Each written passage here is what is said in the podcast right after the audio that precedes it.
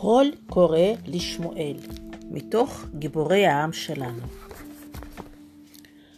שעת לילה מאוחרת במשכן שלו.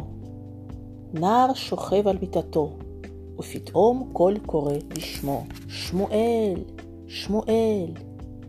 מישהו קורא לי, אמר שמואל בליבו. אזור המשכן היה שקט.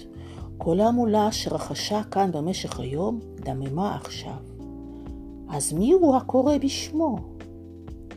זה בטח עלי, חשב שמואל.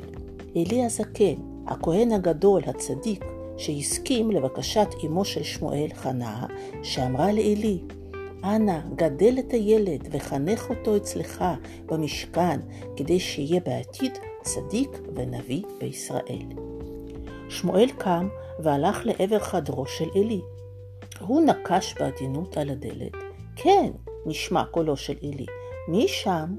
זה אני, שמואל, השיב הנער. היכנס, בני, קרא עלי בחביבות, ושמואל סובב את הידית ונכנס פנימה. עלי התיישב במיטתו. גילו המבוגר האט את תנועותיו. גופו תשוש וראייתו חלשה. מורי ורבי, האם קראת לי? שאל שמואל. לא, לא קראתי לך בני, ענה עלי. שמואל היה מופתע. הוא שמע בוודאות קול קורא בשמו. אם עלי לא קרא לו, מי כן? חזר שמואל למיטתו וניסה להירדם. לפתע שב הקול וקרא בשמו, שמואל, שמואל. שמואל קפץ מהמיטה ורץ אל עלי. הפעם אין ספק שעלי קרא לו. הנה אני כאן, אמר שמואל לכהן הגדול. לא קראתי לך, בני, השיב עלי בפליאה. שמואל חזר שוב לחדרו. מה קורה פה? הוא ממש שמע קול קורא בשמו, אבל אין זה עלי.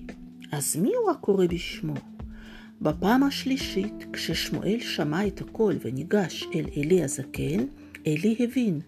זה אלוקים שקורא לשמואל, זה קולו של הבורא. עלי היה נרגש. שמואל הצעיר זכה שאלוקים יפנה אליו.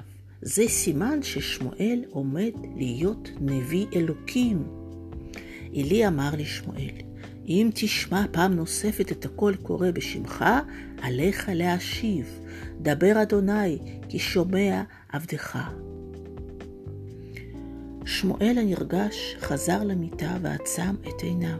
ואכן הכל פנה אליו שוב, ושמואל ענה כפי שנצטווה, דבר השם, כי שומע עבדך. ואז, בפעם הראשונה בחייו, החל שמואל לשמוע מאלוקים דברי נבואה. אלוקים גילה לו את העתיד לקרות לעם ישראל. לאחר מכן ביקש ממנו אלי הכהן שיספר לו מה אמר לו אלוקים. ובאמת, דברי הנבואה שניבש שמואל התממשו במלואם. כל מה שאלוקים הודיע לו, אכן קרה בעתיד. הקריאה דוקטור אירנה בלנקי קרלין.